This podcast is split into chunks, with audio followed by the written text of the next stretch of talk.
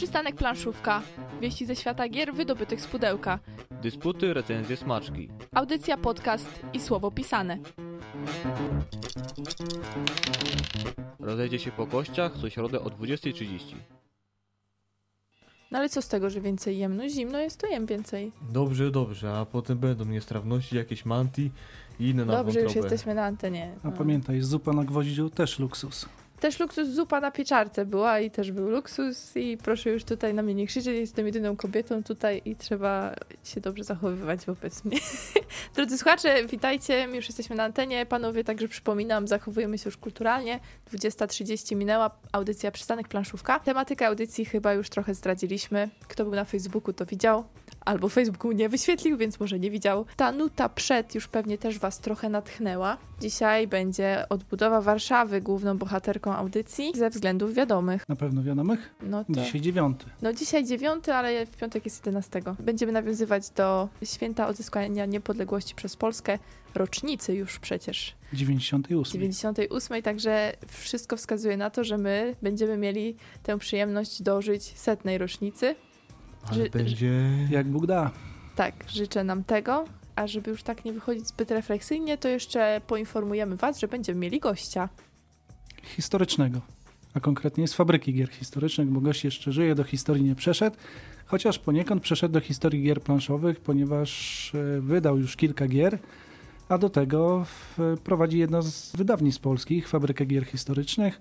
Dzisiaj naszym gościem będzie Adam Kwapiński, ale to w drugiej części audycji. Na to dzisiaj możecie liczyć. Będziemy się łączyć z gościem telefonicznie, dzisiaj dla odmiany. Także zostańcie z nami. Jesteśmy z Wami do 21.30 z górką, podejrzewam, a mówić będą dla Was Mateusz Borowski. Łukasz Juszczak. Jagata Muszyńska. Zostańcie z nami. Hitlerowców do nieba. No, także ja nie wiem, czy to jest dobry pomysł, żebyśmy tutaj muzykę taką zapodawali Wam, bo będziecie musieli, drodzy słuchacze, jeszcze naszych śpiewów słuchać, a tego chyba nie chcemy. Chcemy za to newsy. Łukasz, przystępuj do akcji. Zaczynam od newsa dnia, który dzisiaj rano poprawił mi niesamo, niesamowicie humor. No i już, już. Ponieważ i tak naprawdę to wszystkich Was zachęcamy do świętowania dzisiaj, bo dzisiaj jest wyjątkowy dzień. Jak, jak się dowiedziałem na Facebooku, dzisiaj jest Światowy Dzień Gry Wstępnej, czyli idealna okazja, by wyciągnąć na stół jakiś dobry tytuł dla początkujących. Może Ticket to Ride, Carcassonne, Domek, cokolwiek. I w tym miejscu gratuluję sklepowi Palabras z Oświęcimia, który wrzucił dziś na Facebooka grafikę z kilkoma tego typu grami i komentarzem Mamy nadzieję, że nie pomyliliśmy okazji. Byłem pod wielkim wrażeniem, bardzo, bardzo mi poprawiliście humor. Oby więcej takich akcji. Ale będziesz obchodził to święto dzisiaj? Nie wiem, muszę spytać żony, czy zechce. Eurosuchar na początek. No jakieś Carcassonne by mogło na stół wylądować. Proszę suchych gier nie brać na, ten, na to święto, dobrze? No dalej. No a skoro już mowa o Święcimiu, to zapraszamy na kolejną edycję wydarzenia Oświęcim przy planszy, organizowany w, organizowanej przez wspomniany, wspomniany sklep Palabras. E, Ona odbędzie się w najbliższą środę w kręgielni Kula Hula, więc już dzisiaj zapowiadamy. Mam nadzieję, że będziecie nas tam słuchali, jeżeli pójdziecie do Oświęcimia na to wydarzenie. Godzinowo się zgrywamy. Druga informacja, znowu okazja do świętowania, ale to za jakieś dwa tygodnie, nadchodzi Bruno Catala Day. Może nie każdy kojarzy nazwisko tej osoby, ale gdy podam tytuły, których jest projektantem, pewnie stwierdzi, ach, to ten. Cyklady, Siedem Cudów Świata Pojedynek, Five Tribes, Mr. Jack, Mały Książę, Stwórz mi planetę. Kojarzycie któreś z nich? No jasne, Five Tribes to jest przecież ulubiony tytuł Mateusza. Tak, szcz- szczególnie te palmy. Ale Abyss tak również. O, abys tak. Wielogranych. Tych tytułów. Nie wiem, czy coś zostało tam z tych, co Łukasz wymieniał nieograne? To chyba... Chyba wszystkiego skosztowałem. Mam nadzieję, że dobrze smakowało. Jasne. I Wiemy już, kim jest Bruno Catala. Bruno Catala Day to wydarzenie inspirowane Cthulhu Game Day jest organizowane przez bydgoskiego recenzenta Rafała Kocieniewskiego, znanego w środowisku jako Power Milk. I postanowił on, że 22 listopada, w dniu urodzin pana Katali, będzie zachęcał graczy z całego świata, bo akcja już zaczyna się rozchodzić także poza Polską, by wyciągnąć na stół którąś z jego gier i wrzucić fotkę z rozgrywki, oznaczając ją hashtagiem Bruno Catala Day. E, Już myślę, że mogę zdradzić, że podczas następnej audycji trochę więcej powiemy o samym autorze, czyli Bruno Catali i będziemy mieli też gościa, ale nie Bruno Catale. Niestety aż, aż takiego rozgłosu jeszcze to wydarzenie nie e, zyskało, żeby przyjechał do Bydgoszczy, ale mamy nadzieję, że może na drugą edycję tego życzymy też Rafałowi. Farmerzy z Rubieży jest taka grupa ludzi z Zielonej Góry, organizują turniej charytatywny w X-Winga. I po tym, co już powiedziałem, można znaleźć dwa powody, dla których o tym wspominam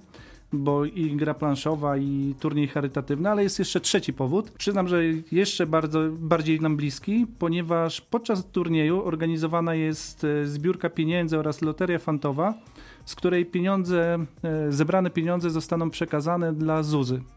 Zuza to jest córka naszego redakcyjnego kolegi Krzysztofa, znanego szerzej jako Pirat Cristobal. Ta mała księżniczka jest dotknięta no, dość e, ciężką chorobą, dość ciężkim stopniem niepełnosprawności. Jej rodzice się codziennie zmagają z trudami jej wychowania, jej e, rehabilitacji. Dlatego tym bardziej się cieszymy, że farmerzy z Rubieży postanowili sami siebie tak naprawdę, bo nie występowaliśmy do nich o to, zorganizować ten turniej. Turniej odbędzie się 3 grudnia, wtedy to startują wszystkie eskadry X-Wingów. Uczestnictwo w nim jest darmowe, ale jest e, ograniczona liczba miejsc do 300.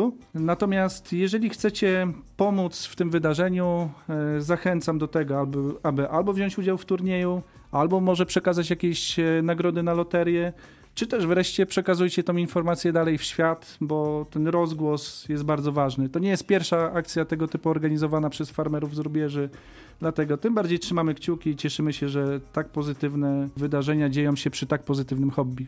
Czasem myślimy, że takie nasze, taka nasza aktywność na Facebooku nic nie daje, ale patrząc na to, co czasami się za lawina tworzy dzięki jednemu klikowi, to naprawdę warto. Tak warto myślę. poznać świat. To prawda a może nawet w galaktykę. Mateusz, ty jesteś też gracz komputerowy. Powiedz no, mi. Kiedyś bardziej. E, jakbyś miał wymienić klasykę FPS-ów, jakie tytuły byś wymienił? Z pewnością Counter-Strike, Quake, Unreal Tournament, taka klasyka podstaw. Doom, o. o, widzisz, czekałem aż powiesz ten tytuł. Już się bałem, że jesteś z tego pokolenia, które nie pamięta Pamię tej gry. Pamiętam, pamiętam, grałem.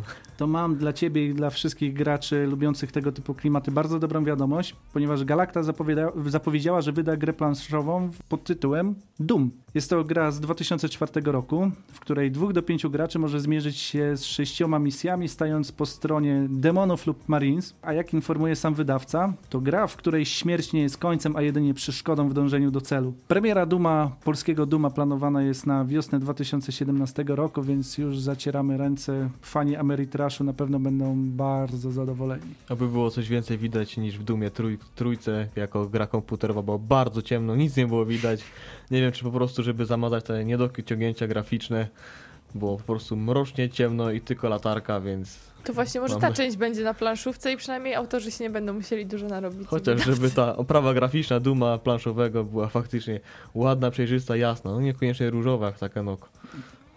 To nie koniec wieści od Galakty. Galakta zapowiedziała, że na dniach powinna pojawić się w sklepach nowa edycja Posiadłości Szaleństwa, gry kooperacyjnej osadzonej w klimatach Lovecrafta. W rozgrywkach będzie można wykorzystywać aplikację, która już jest dostępna na urządzenia mobilne E, I co ważne, ta aplikacja już jest spolszczona, także nie musimy się martwić, że dostajemy produkt, którego nie będziemy jako Polacy mogli skorzystać z powodów jakichś problemów językowych. Jutro możemy spodziewać się premiery Horror Warkham gry karcianej.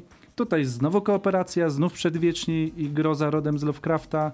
Jednak myślę, że ten tytuł ma bardzo duże szanse, by skraść serca niejednego gracza. Znamy jednego, którego już skradł.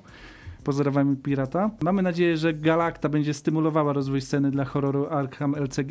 Natomiast tymczasem zapraszamy na Facebooka, gdzie znajdziecie grupę ciągle jeszcze potencjalnych miłośników tej gry. Trzymając się tematu premier, nakładem wydawnictwa Rebel ukazała się gra w Jarusi. Ta gra przenosi nas w, w czasy I wojny światowej.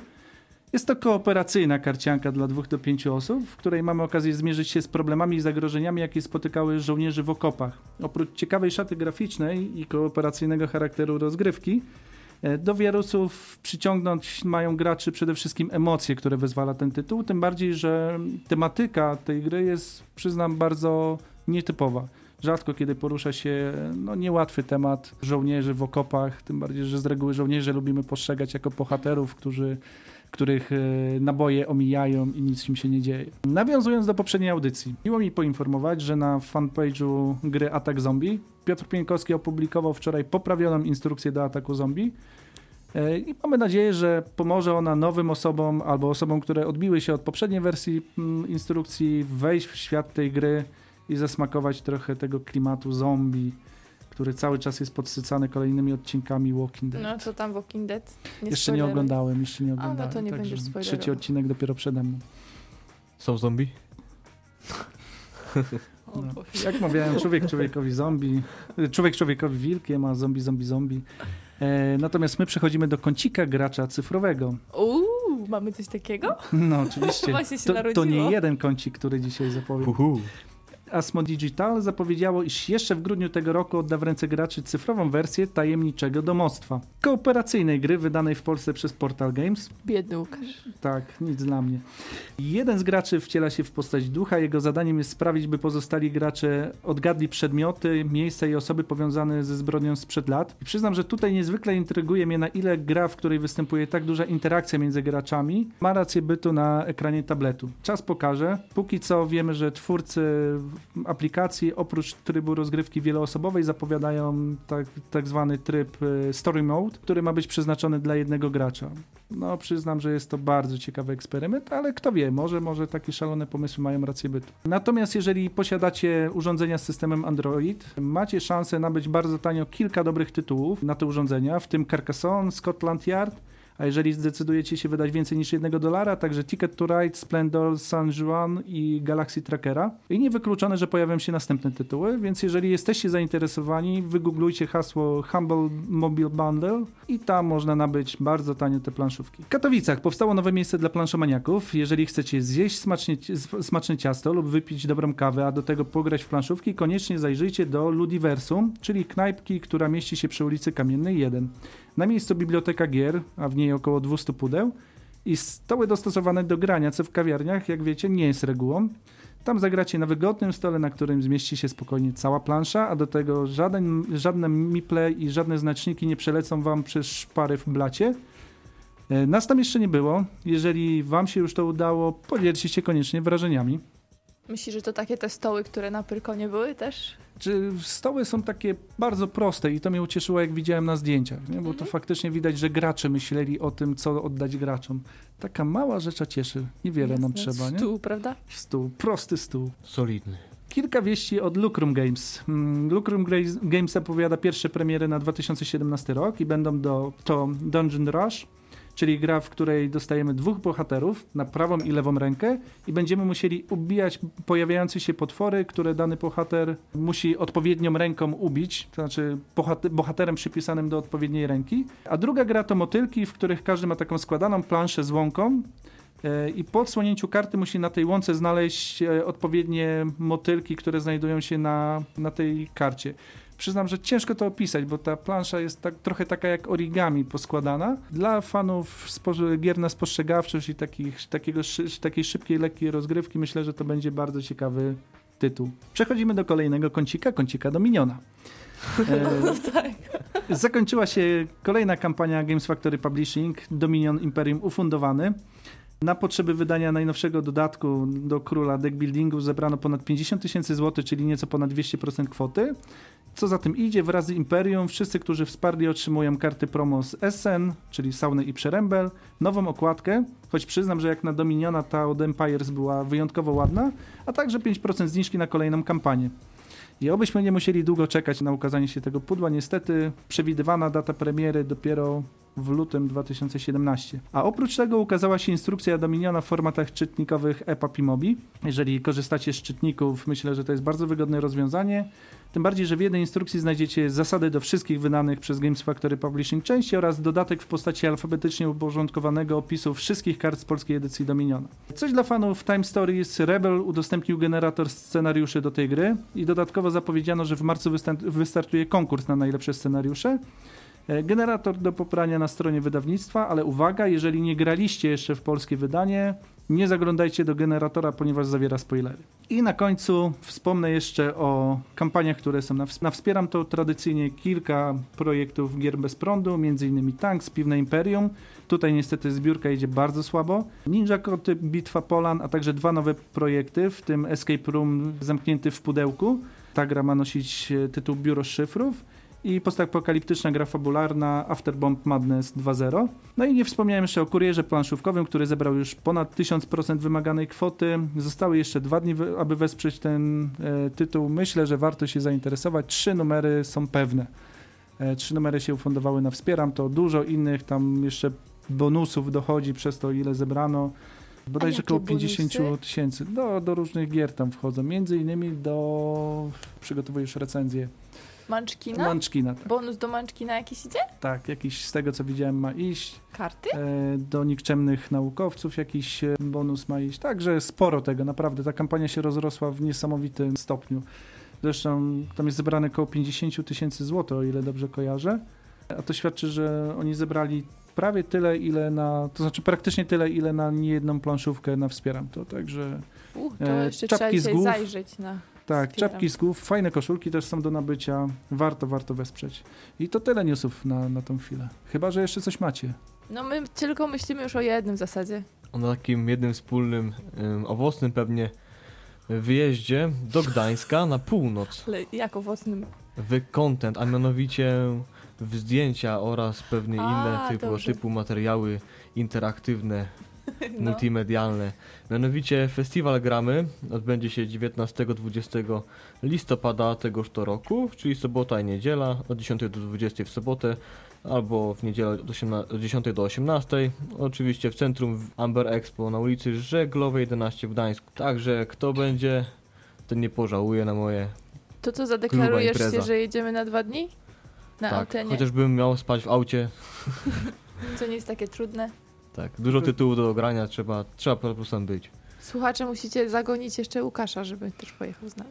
Albo przynajmniej przygarnijcie Agatę i Mateusza, żeby nie spali w samochodzie, bo to zimno już teraz. A żeby zakończyć newsy tak nieco troszkę, żeby wprowadzić taki klimat, może nie 11 listopadowy, ale jeszcze wrócić do Dominiona, to ujawnię wam fragment, drodzy słuchacze, mojej rozmowy z Łukaszem kiedyś. Wiecie, że on pisze horoskopy?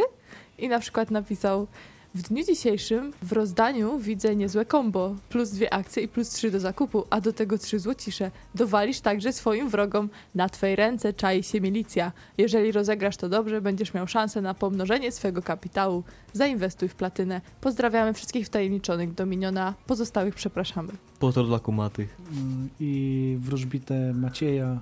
Który natknął. Tak, który Łukasza. natknął mnie. Przyznam, że podziwiam tego człowieka, jak potrafi z kart wyczytywać różne dziwne rzeczy, których człowiek by się nie spodziewał. To każdy gracz potrafi takie Ale rzeczy ogląda robić. się go niesamowicie po prostu. Ja przepraszam za moją ignorancję odnośnie horoskopów, ale jakoś tak nie potrafię Napisałeś. uwierzyć. Natomiast jak się okazuje, Dominion się świetnie nadaje do, do wróżenia. A wróżyłeś z Dominiona kiedyś? Jeszcze nie próbowałem jakoś wróżby, wróżby omijam szerokim łukiem, nawet te Andrzejkowe, ale, ale Dominion faktycznie mnie zainspirował. Zaraz, drodzy słuchacze, do Was wracamy i będziemy już mówić o głównej bohaterce dzisiejszej audycji. Przystanek planszówka. Wieści ze świata gier wydobytych z pudełka. Dysputy, recenzje, smaczki. Audycja, podcast i słowo pisane. Rozejdzie się po kościach co środę o 20.30. Odbudowa Warszawy. Fabryka gier historycznych. Łukasz, jak w to grać? Powiedzmy pokrótce Jak słuchaczom. to grać? Muzyka nas e, gdzieś tam zainspirowała do tego, żeby odbudować Warszawę zniszczoną podczas II wojny światowej i to nas czeka jako graczy. Gra Odbudowa Warszawy to gra wydana przez wydawnictwo Fabryka Gier Historycznych w ramach zbiórki crowdfundingowej. Jest to gra dwóch autorów, e, Piotra Grzymisławskiego i Łukasza Szopki. Jak nie trudno się domyślić, naszym zadaniem będzie odbudować Warszawę.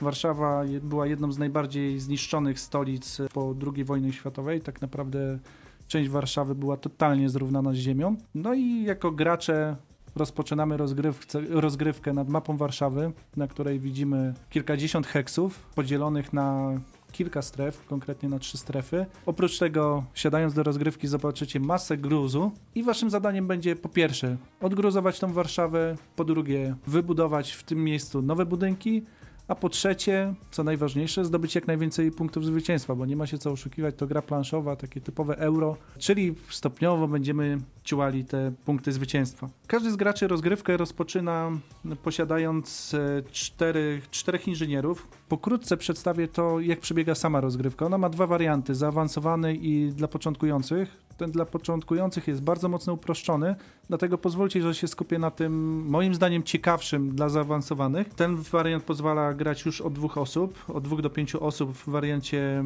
tym wariancie rodzinnym od trzech osób można grać. Jak przebiega rozgrywka? Co rundę będziecie mogli wysyłać swoich inżynierów aby wykonywali konkretne zadania. Po pierwsze, będziemy można ich wysłać e, w delegacje. W delegacje, czyli po to, żeby wykonywali różnego rodzaju akcje. E, w wariancie zaawansowanym mamy planszę akcji, na której mamy namalowane różnego rodzaju pola z akcjami. Te akcje są, część tych akcji to są pola limitowane, czyli będzie mógł stanąć na nim jeden inżynier, na, w części z nich tego limitu nie ma, więc będzie mogło stawać kilku inżynierów.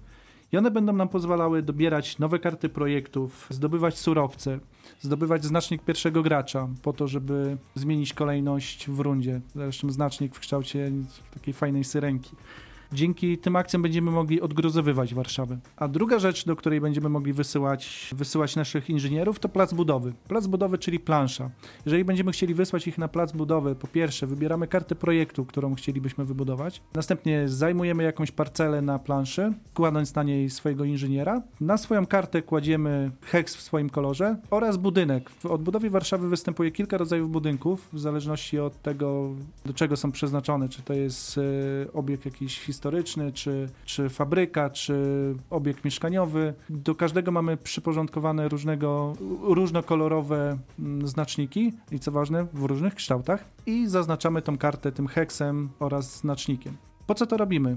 Po to, żeby w następnej fazie tury móc e, albo wybudować ten projekt, albo poczekać na kolejną turę, jeżeli, jeżeli nie będziemy mieli odpowiedniej liczby surowców. A budować oprócz budynków będziemy mogli także metro, które będzie dodawało nam kolejne punkty, także mosty, które pozwolą na połączenie lewo- i prawobrzeżnej Warszawy. Natomiast z czego zdobywamy punkty? Po pierwsze, z budowy tych projektów. Do każdego projektu jest przypisana pewna liczba punktów e, zwycięstwa. Punkty będziemy mogli zdobywać dzięki kartom e, Biura Odbudowy Stolicy, które stawia przed nami pewne zadania urbanistyczne. Kiedy któryś z graczy wybuduje określony typ, określony typ budynku obok jakiegoś innego budynku, realizuje dane zadanie urbanistyczne, otrzymuje za to punkty. I wreszcie punkty otrzymujemy na sam koniec gry, sprawdzając to, przy jakich budynkach postawiliśmy swoje budynki. To warto już wiedzieć, nim zaczniemy budować, gdzie, y, gdzie ustawiać sobie i za co jest ta punktacja na koniec, bo to faktycznie potem może zrobić różnicę. Tak, ma to, przyznam, bardzo duże znaczenie, ponieważ tak jak powiedziałem, mamy kilka rodzajów budynków. E, budynki usługowe, transportowe, mieszkalne, kulturowe, przemysłowe, reprezentacyjne. W zależności przy jakim one, przy jakim budynku one sąsiadują, mogą dostarczyć nam dodatkowe punkty. I na przykład jeżeli wybudujemy budynek mieszkaniowy koło transportowego i usługowego, to każdy ten przylegający usługowy i transportowy daje nam kolejne punkty. Dodatkowo, jeżeli przy budynkach wybudujemy metro, można wybudować w ciągu całej gry nawet dwie nitki metra, dostajemy kolejny punkt za ten budynek. I wreszcie dostajemy punkty za normy.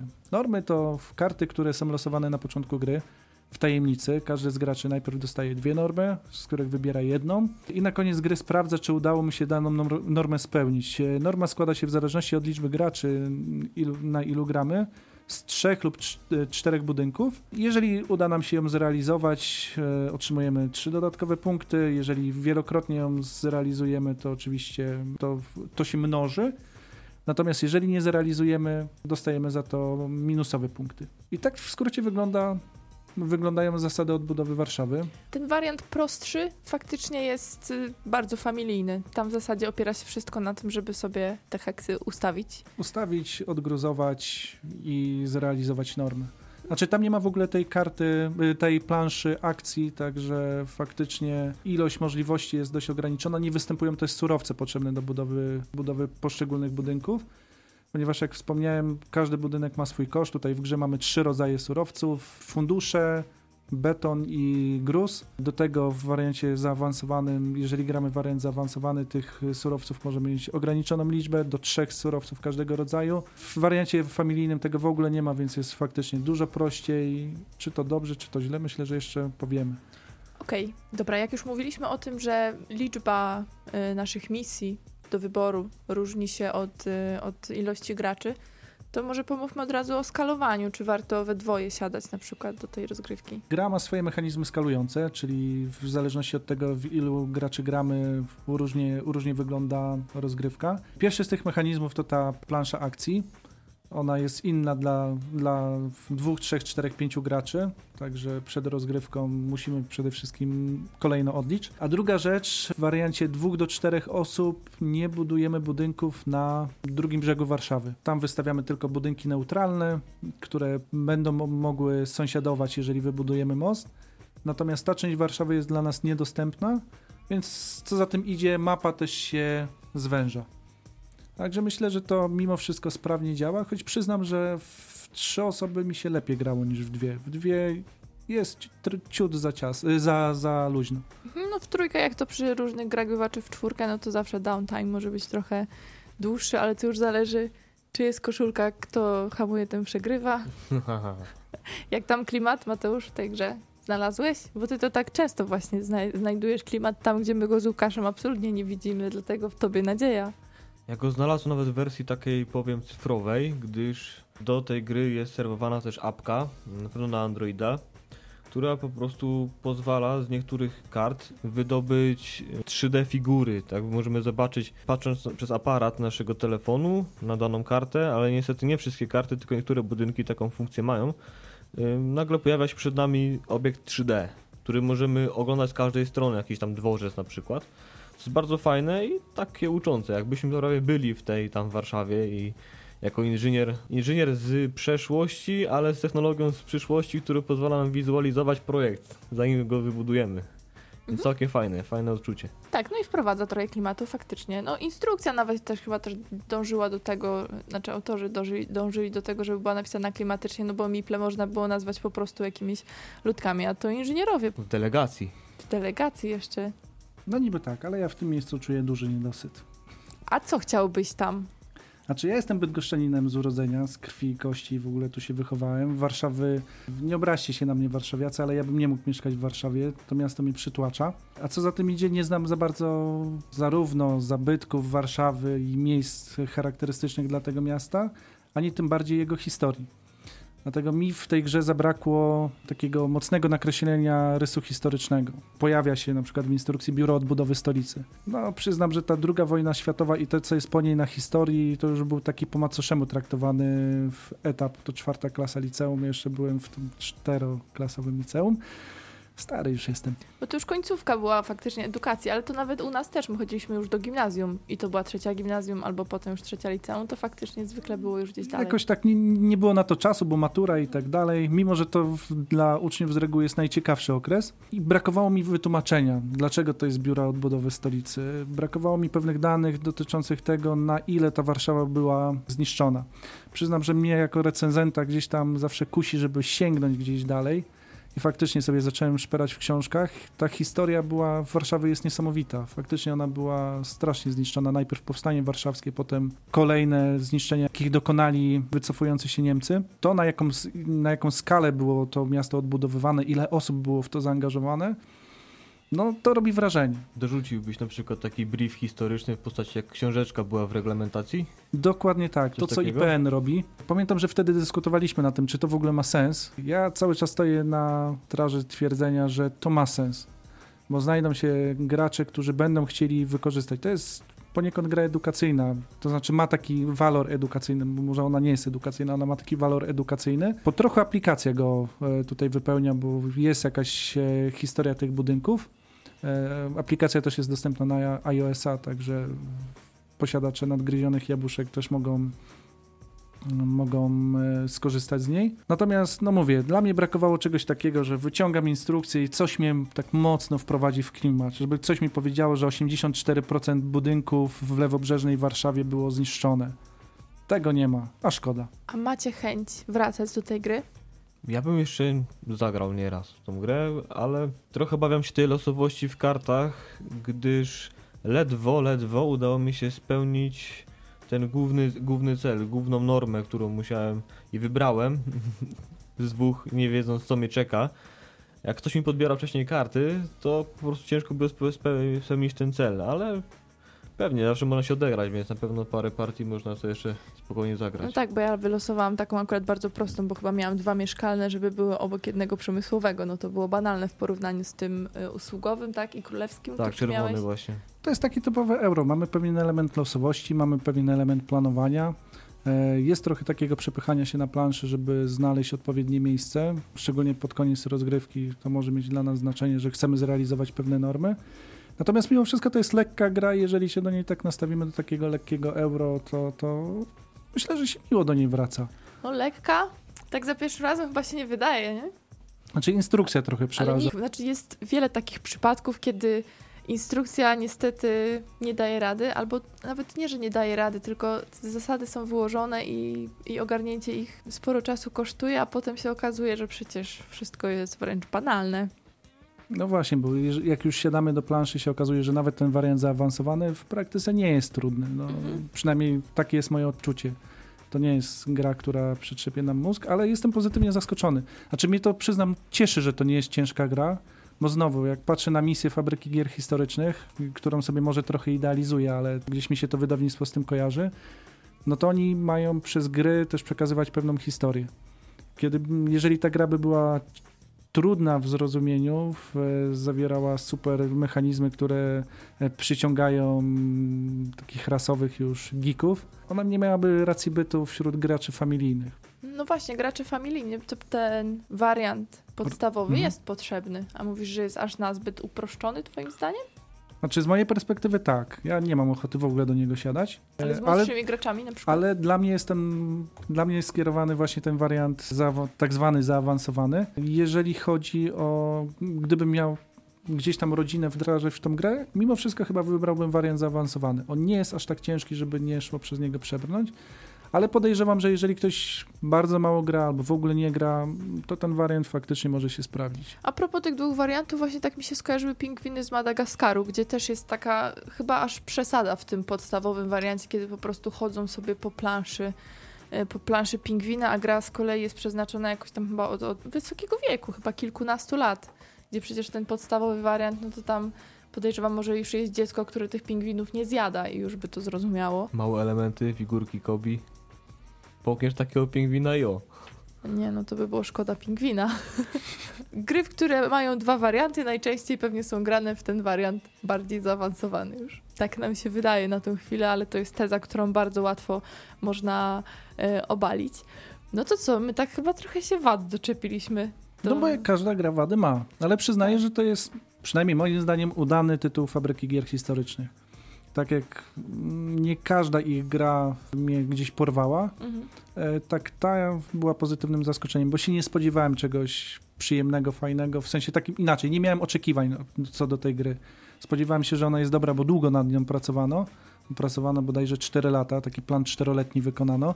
W końcu się ukazała. W ogóle ma świetną oprawę graficzną, za, to- właśnie za to bym chciał pochwalić. Okładka, która dla mnie jest mistrzostwem. Pierwsza, pierwsza wersja okładki miała przypominać trochę taką kostkę mydła, znaczy cegłę, ale gracze, graczom ona się nie spodobała.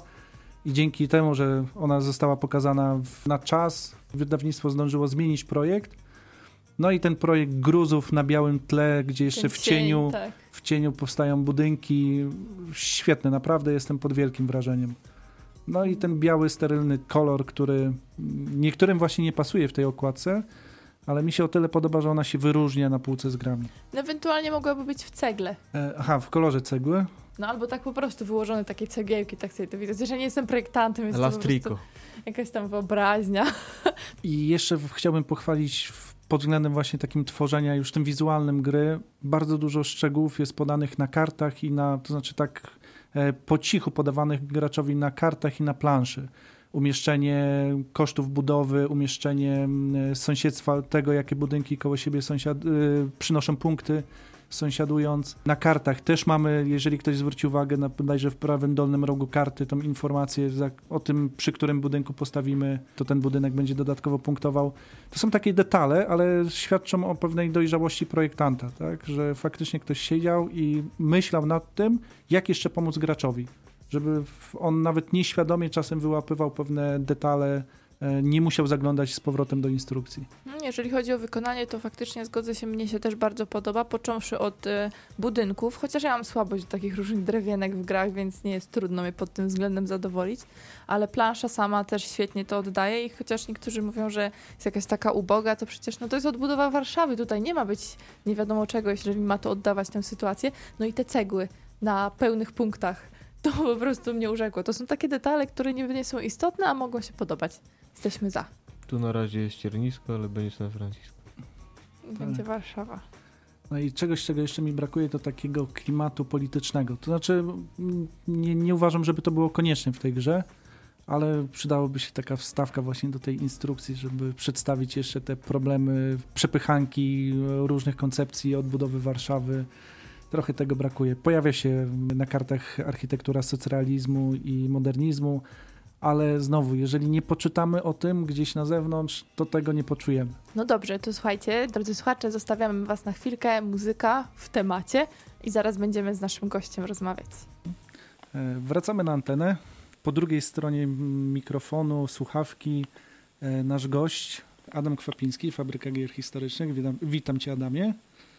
Witam serdecznie. Fabryka Gier Historycznych, jedno z polskich wydawnictw, które utworzyłeś z tego, co pamiętam, Adamie, z, między innymi z Michałem, e, tak, Michałem Sieńko. Tak, tak, tak, Od czego to się zaczęło?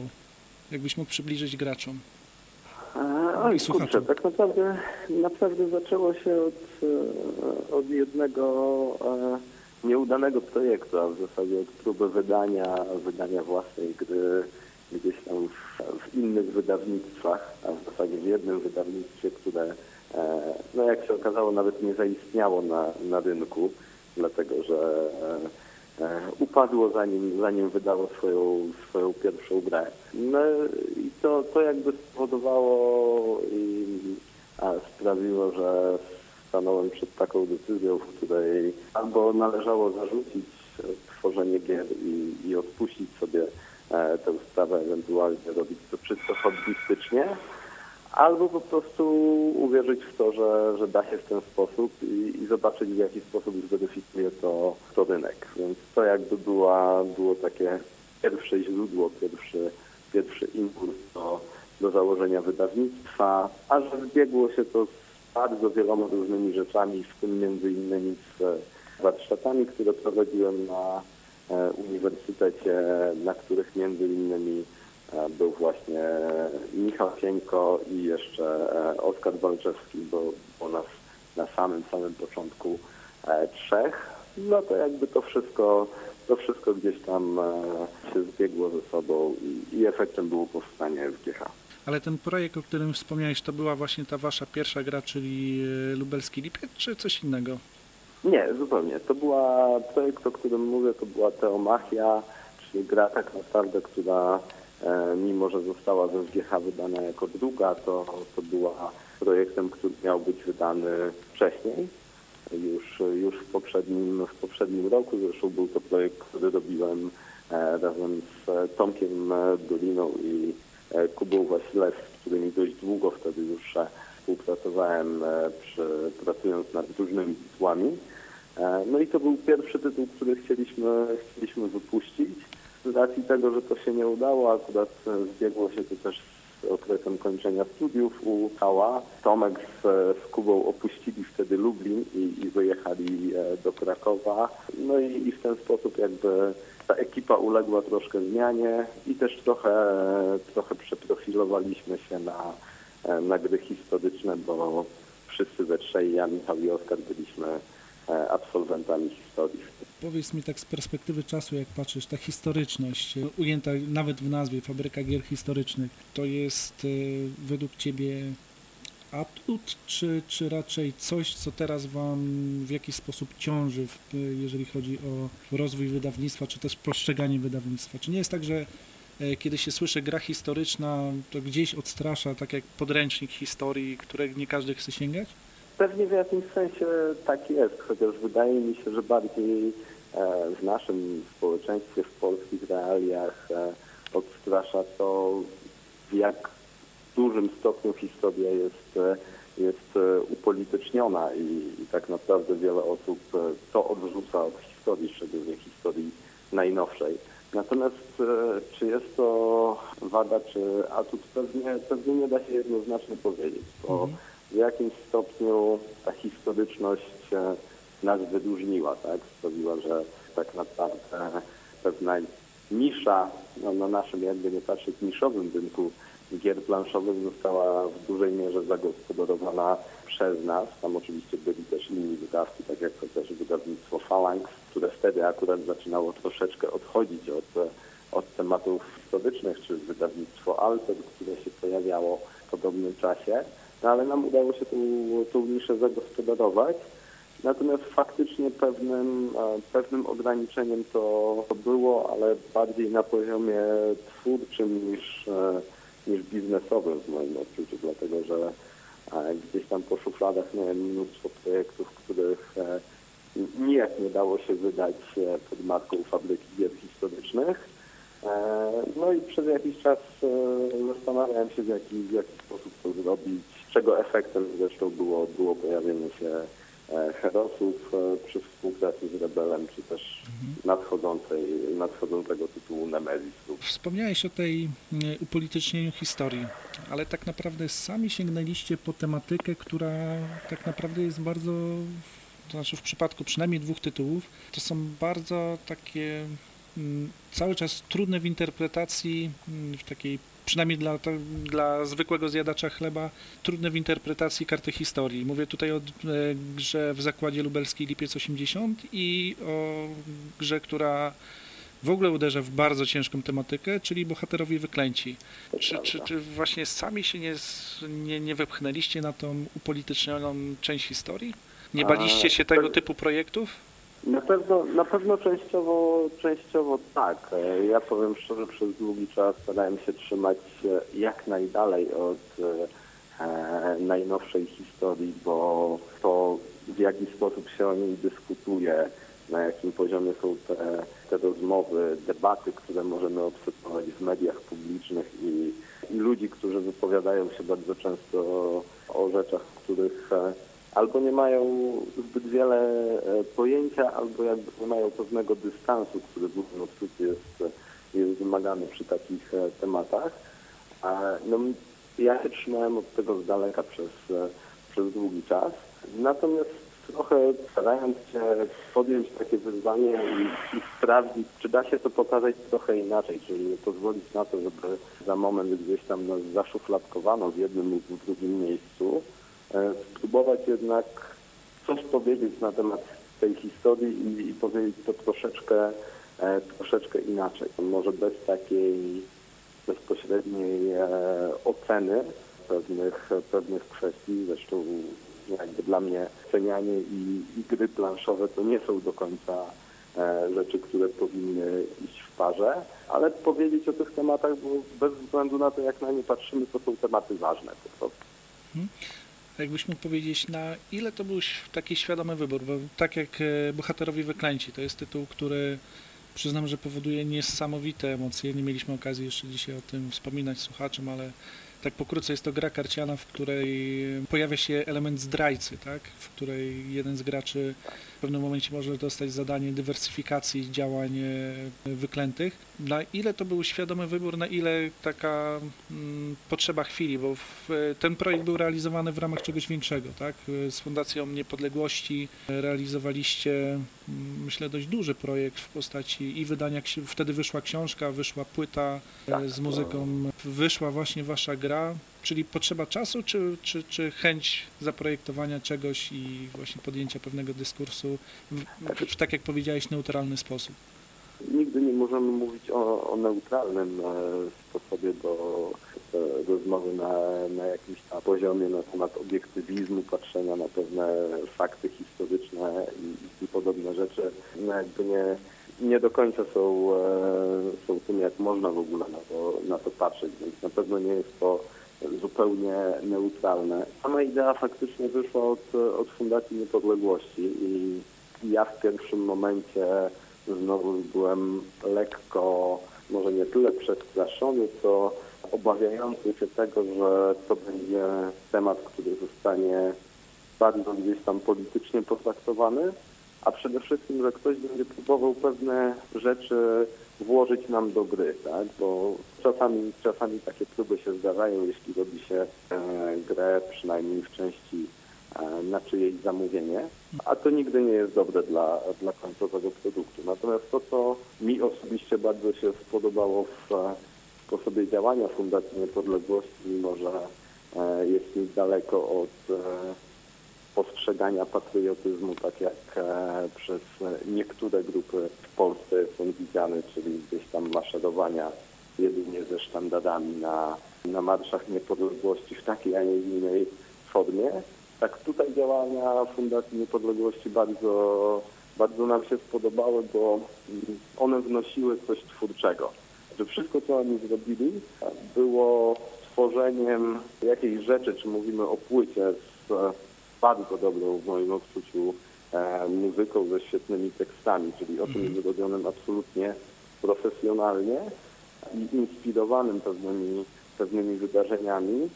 Czy tak jak w przypadku gry, no też dostaliśmy naprawdę sporo, sporo swobody, co chociażby widać po tym motywie zdrajcy, który tam się, e, tam się gdzieś pojawia. Ta, ta gra nie jest czarno-biała sama, sama w sobie. No, zdecydowanie nie. Naprawdę, przy, szczególnie jeżeli zagramy z starszym pokoleniem graczy, to emocje przy tym potrafią być niesamowite i e, te historie, które w sieci się pojawiają o, mm, o tym, że niektórzy nie chcą wręcz grać, w sensie jak dostają kartę zdrajcy, To e, to są prawdziwe historie. Sam tego doświadczyłem siadając, siadając do gry i widząc to na własne oczy, także tutaj jestem pod dużym wrażeniem tego, jak, jakie emocje można wywołać grą. E, A poza tym książka, o której wspomniałem, czyli Wyklęcie podziemie zbrojne 4463, też myślę, że świetnie wprowadza w temat gry. Ale wróćmy do fabryki, samej fabryki gier historycznych. Zaczynaliście w 2012 roku, czyli to był taki czas, gdzie się bardzo dużo mówiło o renesansie gier planszowych. Czy, czyli teoretycznie startowaliście w najlepszym możliwym czasie. Powiedz mi z perspektywy tych kilku lat, jak oceniasz rynek gier planszowych w Polsce? Jak oceniasz odbiorcę, jakim jest polski gracz? To jest już odbiorca taki trochę zmanierowany, czy i rynek przesycony, czy jeszcze, jeszcze dużo przed nami? Ja chyba nie jestem osobą, która e, może tu się wypowiadać z jakiejś pozycji e, autorytetu, dlatego że jestem projektantem gier i, i to jest coś, co, co mi leży na sercu. Kwestie powiedzmy biznesowe i, i to wszystko, czym chcąc wydawać, wydawać gry, chcąc robić gry, człowiek musiał się zająć, było troszkę przy okazji, dlatego na pewno na rynku, e, na rynku znajdziesz e, osoby, które znacznie e, ciekawsze rzeczy mogą na ten temat powiedzieć, bo po prostu mają na to, mają do tego też odpowiednie wiedzę i patrzą na to w trochę innym, inny sposób. Z mojego doświadczenia no rynek cały czas się rozwija, tak? To pokazują, e, pokazują liczby. Od kilku lat w zasadzie już w momencie, kiedy my wchodziliśmy na rynek, e, e, słychać było głosy o to, że bańka się gdzieś tam rozdyma coraz bardziej i ona w pewnym momencie pęknie. Prawdopodobnie tak będzie, natomiast to w pewnym momencie jest tutaj chyba najbardziej kluczowe, bo, bo póki co nadal, nadal cały czas mamy do czynienia z rozwojem. Gier się pojawia coraz więcej i to jest skok e, gigantyczny z roku, z roku na rok, nawet patrząc na e, największych wydawców, e, niezależnie jakby od, e, od pozostałych wydawnictw, widzimy jak e, o ile zwiększa, zwiększa się liczba wydawanych tytułów. Ja myślę, że tak naprawdę ten, ten rynek niezależnie od tego, co się będzie działo, przetrwa. To znaczy pewnie będą zachodzić na nim zmiany, to, to, to, jest pewne i, i gdzieś tam to wszystko będzie się działo bardzo dynamicznie, ale nie mam wątpliwości co do tego, że, że gry planszowe przetrwają, bo są chyba zbyt mocno związane z, po prostu z ludzką kulturą i, i działalnością, żeby, nagle zniknęły po no, bagatela przynajmniej 6 tysiącach lat, jakbyśmy się cofnęli. No tak, no w końcu gry historyczne. Ten aspekt historyczny faktycznie jest tutaj dość ważny, nawet jeżeli chodzi o same gry. Powiedz mi jeszcze, bo Lublin, e, jesteście mocno zakorzenieni w Lublinie. E, Jak obserwuję Wasze inicjatywy, może nie każdy ze słuchaczy wie, ale fabryka gier historycznych i środowisko wokół niej skupione, to nie tylko sama fabryka gier historycznych, między innymi utworzyliście Lubelskie Centrum Gier Historycznych. Z tego co widzę, chociaż tutaj nie jestem pewien na ile Wy jesteście w to zaangażowani, w Lublinie przynajmniej kilka ciekawych gier miejskich się odbywało między innymi gra, gra miejska Stan Wojenny 1981. Mhm. Przyznam, że jestem ciekaw, jak mieszkańcy reagowali, jak ZOMO wyszło znowu na ulicę. Zdjęcia z tego naprawdę są bardzo ciekawe. Natomiast tworzycie wiele inicjatyw. Y, Włączyliście się w Polish Publishing League, czyli mm, stowarzyszenie, grupę wydawców, którzy wzajemnie się wspierają, wydawców gier planszowych. Tworzycie markę Fabryka Gier Historycznych, tworzycie markę Lion Games. E, A w ostatnim czasie do, do graczy doszły informacje, że swoje dwa naj, najnowsze tytuły, które zapowiadaliście, czyli Nemezis, o którym już wspomniałeś, oraz Święci i Grzeszniczy, Grzesznicy Poczet Królów Polskich, wydacie w innych wydawnictwach, czyli w Rebelu i w Borten Dice. Mhm. Adamie, co dalej z Lion Games, co dalej z fabryką gier historycznych? Odnosząc się do tego, co powiedziałeś, angażujemy się w mnóstwo różnych, e, e, różnych działań. Tutaj te działania animacyjne, o których mówiliśmy, czyli Lubelskie Centrum Gier Historycznych, e, Liga Międzyszkolna Gier Historycznych, którą też e, prowadzimy, e, gry miejskie i ogólnie różne wydarzenia związane z najróżniejszymi obchodami. Tutaj, tutaj zdecydowanie prym, prym zawsze w tych działaniach wiódł Michał. Ja bardzo często wspomagałem go na takim poziomie merytorycznym, projektowym, jakby zostając troszeczkę z tyłu, budując silnik pewnych rzeczy, przygotowując pewne rzeczy. E, Natomiast jakby on się zajmował tą właściwą realizacją, współpracą z ludźmi i wypuszczaniem tego na zewnątrz. To tak naprawdę jest coś, co, co teraz będzie robił e, jeszcze, jeszcze częściej.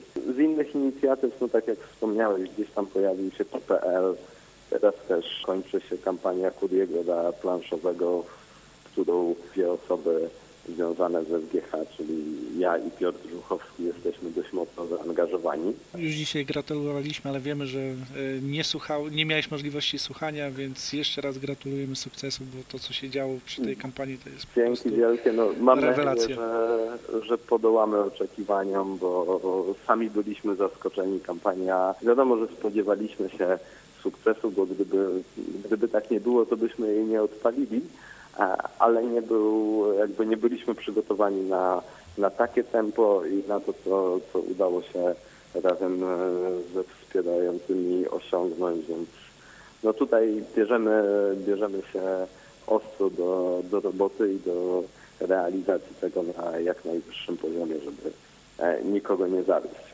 Ale wracając do tematu e, FGH, pytasz o, o gry, tak, w zasadzie o to, e, dlaczego te gry się pojawią wśród e, tytułów innych wydawców. Powód jest, jest prosty, w zasadzie powody są dwa. Pierwszy to trochę brak czasu na, na pewne działania, czysto wydawnicze i trochę też mniejsza chęć poświęcenia się właśnie tej, tej sferze działalności. A ja zdecydowanie, tak jak wspomniałem wcześniej, czuję się projektantem gier, czuję się twórcą gier i chciałbym mieć jak najwięcej czasu na to, żeby w końcu dokończyć e, projekty, które czekają gdzieś tam w kolejce. Natomiast samo wydawanie gier dla mnie było raczej e, środkiem niż celem samym w sobie. Więc tutaj jakby e, nie bylibyśmy w stanie w fabryce gier historycznych samodzielnie wydać tych rzeczy ze względu na e, zwyczajnie na brak czasu. Tak? E, Ilość czasu, jaką wydawca musi spędzić przy samym nadzorowaniu produkcji i, i wycenach, no to są, to są naprawdę tygodnie. Wolę zdecydowanie te tygodnie poświęcić na, na projektowanie, na tworzenie. A po dwóch sukcesach crowdfundingowych, czyli odbudowie Warszawy i, i teraz kurierze planszówkowym, dalej planujecie wydawać w tej formie, czy raczej uważacie, że tak jak niektórzy wydawcy, którzy zaczynają głośno to mówić, że to jest raczej strzał w stopę branży planszówkowej? Nie uważam tego absolutnie za strzał w stopę. To, to jest trochę za, za mocno powiedziane. Tak naprawdę to jest po prostu inny sposób wydania gry. Oczywiście sam crowdfunding crowdfundingowi nierówny, bo inaczej się wydaje grę zagraniczną, tytuł, który jest znany i tylko tak naprawdę e, robimy kampanię na polskie wydanie. Inaczej się wydaje, jeśli ktoś ma wydawnictwo, wie, że i tak chce wydać jakiś tytuł, a, e, a organizuje kampanię, a jeszcze inaczej to wygląda, kiedy przychodzi ktoś zupełnie nieznany i, i próbuje w ten sposób e, po prostu zrealizować swój pomysł, czyli gdzieś tam sięga do korzeni crowdfundingu. Uważam, że w takiej formie nie ma, nie ma nic złego i ona w żaden sposób na dłuższą metę e, nie zaszkodzi rynkowi, bo nie będzie tak, że wszyscy wydawcy nagle zaczną wydawać w ten sposób gry. Bo po prostu e, po pierwsze to się nie opłaca w przypadku każdego tytułu, a po drugie zdecydowanie lepszą opcją jest pewna dywersyfikacja, tak? I wydaje mi się, że oparcie się na samym crowdfundingu może być na dłuższą metę trudne. No mamy w tej chwili jedno wydawnictwo, które działa w ten sposób, ale też zdarzyło im się wydać grę e, poza crowdfundingiem, e, czyli Festiwal Lampionów, jeśli dobrze, dobrze pamiętam. Mówię oczywiście o e, GFP, więc wydaje mi się, że, że sam fakt, że crowdfunding istnieje, super, bo to zwiększa w jakimś stopniu konkurencję. Nie bałbym się tego, że nagle, nagle rynek się zawali i w ogóle staną się straszne rzeczy. Rynek w Stanach Zjednoczonych przeżył Kickstartera i, i jakoś tam nadal funkcjonuje, więc e, myślę, że im, im spokojnie przetrwamy crowdfunding, po prostu będziemy mogli z tego korzystać. Będzie to kolejny kolejny sposób na to, żeby pojawiały się na rynku nowe tytuły. Powoli musimy zmierzać ku końcowi, ale niepokornie jeszcze jedno pytanie tutaj zaraz mi czymś rzucą w studio. No nie byłbym sobą, gdybym jeszcze nie zapytał, e, nie poprosił Ciebie, abyś przynajmniej pokrótce przedstawił te dwa najnowsze Twoje dzieła, Twoje, dzieci, które gdzieś mają się ukazać, czyli Nemezis i e, Święci Grzesznicy. Jakbyś mógł kilka zdań o tych tytułach powiedzieć i mniej więcej kiedy możemy się ich spodziewać? To krótko zaczynając od tej, która, która pojawi się pierwsza, czyli o świętych i grzesznikach. To będzie pierwszy kwartał przyszłego, przyszłego roku. Mamy dość niewielką grę, e, opartą przede wszystkim na kartach, e, grę dwuosobową, całkowicie asymetryczną na, e, na wielu różnych, różnych poziomach, w której gracze wcielając się odpowiednio w siły dobra i siły zła, będą walczyć o duszę polskich władców. Będą to władcy z dynastii Piastów i Jagiellonów, e, no i każdy, każdy z tych władców będzie miał tam swój przypisany do siebie grzech oraz przypisaną notę i używając odpowiednich kart gracze będą starali się przeciągnąć ich na swoją, na swoją stronę. Więc mamy tu do czynienia z takim tytułem, powiedziałbym, trochę metahistorycznym, bo, bo nie mówimy o jakichś konkretnych wydarzeniach, tylko raczej o postrzelaniu e, historii z trochę innego, innego poziomu. Natomiast o Nemesis pokrótce zawsze, zawsze jest ciężko, ale postaram się to przybliżyć. To, to gra science fiction klaustrofobiczne, science fiction e, w klimacie survival horroru. I tak naprawdę to, co jest najważniejsze w tej grze, to dawka klimatu, jaką, jaką rozgrywka funduje graczom.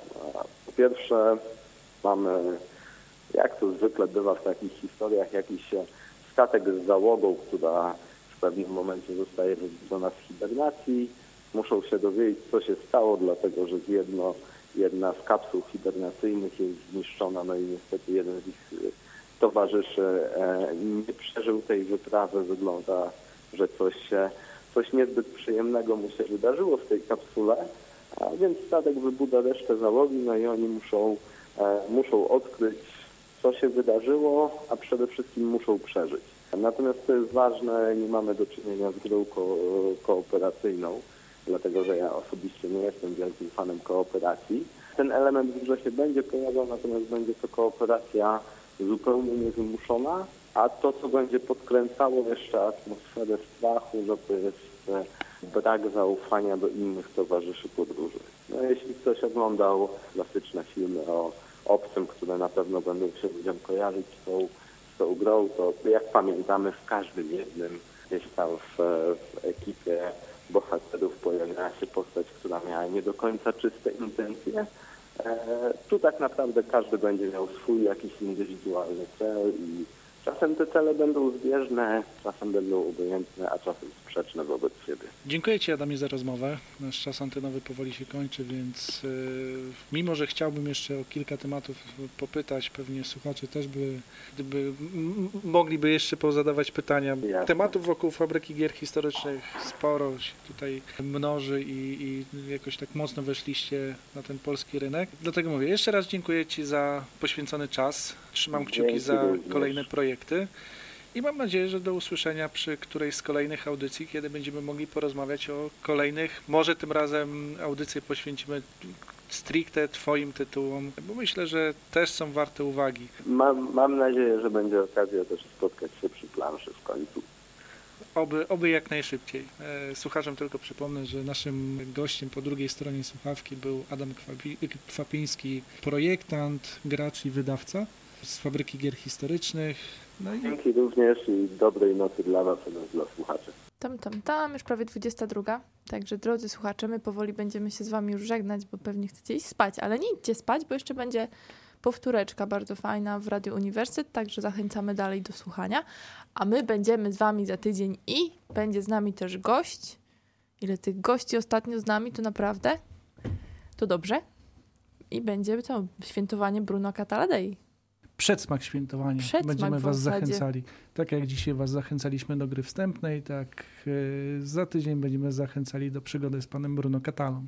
Więc idźcie i czyńcie swoją powinność. Drodzy słuchacze, jeśli słuchacie nas nie na żywo, tylko z podcastu na przykład i dzień gry wstępnej już minął, to nie znaczy, że nie można go obchodzić jeszcze raz. Także przypomnijcie sobie, czy macie jakieś dobre rekwizyty na półkach. Na przykład Carcassonne Albo Ticket to Ride, albo Bączek. Ticket- albo Z reglamentacji. wariant familijny w odbudowy Warszawy. Tak właśnie. No ja po prostu uwielbiam, jak my się tu rozumiemy. Mówili dla was, siorbali, co ty siorbiesz? Yerbę. Ale ja tak patrzę, przepraszam jeszcze, że tak wtrącę, yy, na tą szklankę, w której masz yerbę, to wiem, dlaczego w takiej tykwie to już jest. No, dzisiaj znowu moja skleroza spowodowała to, że pierwszy raz w życiu piję yerbę ze szklanki. Ona nie smakuje już tak dobrze. Mówili dla was. Mateusz Borowski.